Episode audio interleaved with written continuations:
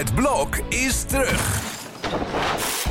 Vier koppels, vier bouwvallen, vier verbouwingen en dus een hele hoop stress. Het blok, iedere werkdag om half negen bij net vijf. Dit is Strik Privé, de dagelijkse showbiz-update met Evert Zandgoeds en Jordi Versteegde. Ik ben zo blij dat ik je hier tegenover me zie. Want ik dacht gisteravond in één keer... als jij maar geen studiolamp op je hoofd Ik krijgt... kreeg op een gegeven moment wat appjes waarin mensen me Herbert gingen noemen. En ik denk, waar gaat dit over? Zelf was ik onderweg naar shownieuws, dus dan zie Oh ja. je Five live niet. Maar daar zat een eh, Herbert Santegoeds in, begreep ik. Geen familie trouwens, dat weet ik zeker. Ja, eh, wel minder mensen naar gekeken hè, gisteravond. Ja, ja, ik kan me voorstellen dat de eerste aflevering Nederland ervoor gaat zitten. En dan, ja, tweede week weet je of het aanslaat of niet. En, en het kan groeien en het kan zakken. En in dit geval, helaas voor Linda, zakt het een beetje. Maar het is, eh, ja, nou ja, we hebben het er weer over. Hè? Ja, nou, ik wil er toch één ding over zeggen. Kijk, het voelt voor mij toch een beetje als een afrekening van, de, van Linda met, met die hele mediawereld. Jawel. En dan denk ik, dat kan ook in één aflevering, Evert. Dat denk ik. Maar goed, we gaan zien wat het volgende week heeft. Het is een guilty pleasure. Trouwens, we hadden het net over Herbert Santegoeds, hè, die een beetje Ja. hetzelfde als jij heet. Eh, André Hazes, die heeft ook iemand in één keer die hetzelfde... vader is dat, Wat zeg die je? hetzelfde heet. Oh, Nou, Nee, ik bedoel zijn nieuwe liefde. Ja, Sarah. Sarah. De tweede. En eh, ze werd gefotografeerd aan boord van een vliegtuig. Dat je kan zeggen van nou, ik heb wel enig zicht op wat paparazzi is en wat niet. Dit was geen paparazzi foto. Dus ik denk dat André op het moment dat hij naar Dubai is gegaan. Dubai, waar je trouwens geen paparazzi zult tegenkomen. Dat is daar bij wet verboden om mensen ongevraagd op straat te fotograferen. Dus die heeft gewoon gedacht, ik gooi even dat bommetje. Dan weet iedereen dat ik een nieuwe liefde heb. En dan kan ik straks met haar gewoon over de rode lopen bij Tuschinski. Wanneer mijn docusoap in première gaat. Een docusoap die me redelijk achterhaald lijkt inmiddels. Want Ja. twee exen zitten er inmiddels in die eh, daar geen, inmiddels geen rol meer spelen in zijn leven. Dus ja, het is, eh, we gaan wel zien wat er van overblijft. Volgens mij vijf afleveringen komen er, waren er veel meer bedoeld. Dus ja, je kan nagaan wat er allemaal op de montagevloer beland is. Maar even, even voor mijn tijdsbeeld, hè? want wij hebben toen in de privé die, die fotoreportage gehad van André met Monique in Amerika. Voorjaar, april was dat geloof ik, ja. En ze hebben elkaar dus daarna leren kennen. Ja, deze Sarah heeft hij half eh, augustus leren kennen. En is een avondje in de Harbor Club in Vinkenveen. En sindsdien hebben ze elkaar regelmatig getroffen. Hoor ik nu, met terugwerkende kracht. En eh, hebben zij eh, ja, elkaar ontdekt. En kennelijk leuk genoeg bevonden om samen een eerste vakantie te gaan doen.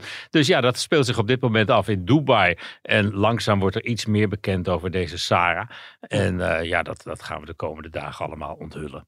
Eh, het is natuurlijk wel de vraag of Rachel hiermee akkoord gaat. Hè? Want, Nou, ja, zolang je geen Monique heet, gaat Rachel al gauw, gauw akkoord, geloof ik. Oh. Stel, eh, gesteld dat je op die leeftijd van André nog toestemming van je moeder nodig hebt. Maar het helpt wel als eh, Rachel ook een beetje enthousiast is. Over Rachel gesproken. Ik, ik las net op Instagram, ik zag een bericht. Heel vaag, maar het leek erop alsof ze jou citeerde in dat bericht. Nou, Heb je het ook leek gezien? erop. Nederland is weer bij, is echt wel mijn tekst geworden. Ja. En, eh, ja, dat zegt zij ook. Ze heeft eh, een paar dozen vol met oude bladen eh, voor zich uitgestald. En ze is kennelijk op zoek naar een verhaal wat ze nodig heeft. Ik denk voor een boek of zo is dat nog steeds niet af dan. Nee, kennelijk niet. Hmm. En ze heeft ja, de, de, de zinnen gezet op één verhaal. Als, als het een verhaal van ons is, en dat zou je zeggen omdat ze dat zinnetje citeert. Ja. Dan zou ik zeggen, nou meid, bel even en dan eh, trekken we het hier zo uit het archief. Hoef jij niet meer te zoeken.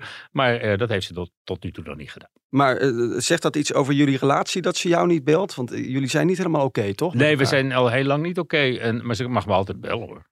Nou nooit te beroerd om mensen uit de brand te helpen als er eh, dat is. Live in deze podcast. Dat zou ik nou Hey. uniek vinden. Nou, We gaan het even over de Backstreet Boys hebben. Ja, jij bent er niet geweest. Want je nee, zat bij- maar heel veel mensen Ja. wel in de Ziggo Dome gisteravond. Het was een enorm succes, begreep ik van mensen. En eh, ze zijn nog steeds hartstikke leuk, met elkaar ook. Nou, dat is toch ook geweldig dat je de sfeer in zo'n groep zo lang zo goed houdt. Ja. En ja, echt eh, pubers van, van, van vroeger zijn nu volwassen vrouwen die daar in sommige gevallen met hun man naar een concert van de, van de Backstreet Boys gaan. Ja. En ik vond het wel heel erg amusant om te zien. Zullen we even, even luisteren of het nog steeds zo goed klinkt als vroeger? Het schijnt van wel.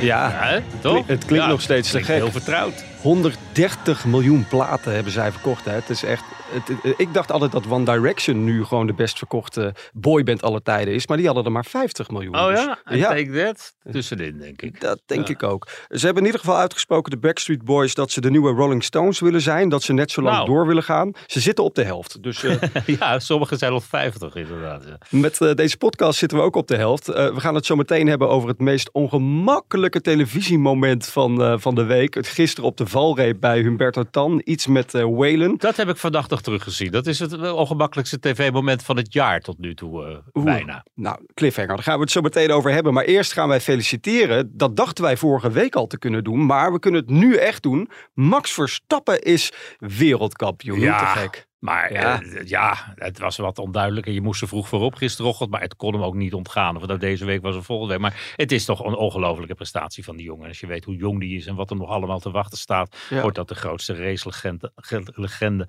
aller tijden, lijkt me. Ja. En eh, ja, dat loopt gewoon eh, tussen ons rond. Hè?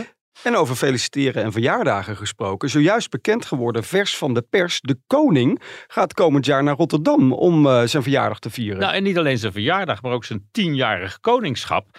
En eh, het is toch wel leuk dat je in Amsterdam koning wordt, maar dan eh, de tien jaar, en zo zal het ook bedacht zijn, Ja. de tien jaar dan viert in de tweede grote stad, in Rotterdam. Ja. En eh, ja, daar, kun je, daar heb je de ruimte om een feestje te geven natuurlijk. Het is een mooie stad geworden, vind ik. Echt Rotterdam, echt als je daar binnen rijdt, dat je denkt van zo, dat is toch wel wat. Ja, de, een in 010. Dus dat, dat is allemaal prachtig uitgevonden natuurlijk allemaal. En ja, even denken. hè, Oh, is- daar had ik dan weer niet aan gedacht. Ja, ja, ja.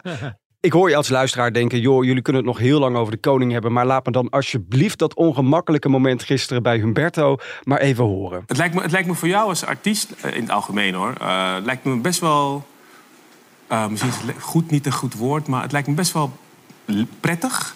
Dat als er emotionele zaken gebeuren in je leven. Ik bedoel, ik wil er maar niet diep op ingaan, ik ben de laatste die erover moet beginnen. Maar nou, we hebben het net over kwetsbaarheid en jij bent heel kwetsbaar geweest. Heb je nog behoefte om iets toe te voegen aan wat je hebt verklaard al eerder op Instagram? Ik dacht van, jezus man, wat doe je zelf aan die hele verklaring? eh? ik heb helemaal niks gezegd. Het gaat goed. Het gaat goed. Ik hou van haar. Het is een geweldige vrouw. Nou, weet je, Ongelooflijk. Doe het nou niet. Als je niet gewoon de kracht hebt om te zeggen, nou, hoe zat dat nou? Dan moet je niet met, ja, jij als artiest, maar ook in het algemeen. En, en dan gaat hij eh, van links naar rechts. Zo ongemakkelijk, Umberto. Het is echt, eh, het, ik vond het een stuitend moment om, Ja. om de link te leggen van een liedje. En dan is hij vreemd gegaan en dan niet. Maar ja, als je het niet wil zeggen, moet ook niet. Ik heb ook niks gezegd. En dan, doe het dan gewoon niet. Je weet al dat hij niet naar Eva Jinek ging, omdat daar gezegd werd, we gaan het daar ook over hebben. Vervolgens zat hij bij Matthijs. Komt hij bij jou en ga je het alsnog via een zijsprong. En dan pakt het zo uit. Ik vond het werkelijk gênant. Echt, echt ongelooflijk gênant. Vreselijk. Nou, volgens mij hebben we er alles over gezegd wat we erover willen zeggen. Wij eh, gaan eh, morgen weer door met deze podcast. Is er nog iets deze week waar je naar uitkijkt? Het blad woensdag natuurlijk weer in de winkel. Ja, nou, da- daar staat wel wat in. Dus eh, eh, ja, het wordt een spannende mediaweek. Sowieso. Kijk, morgen om 12 uur, dan zijn wij er om te beginnen weer met een nieuwe strip privé. Tot dan. Tot morgen.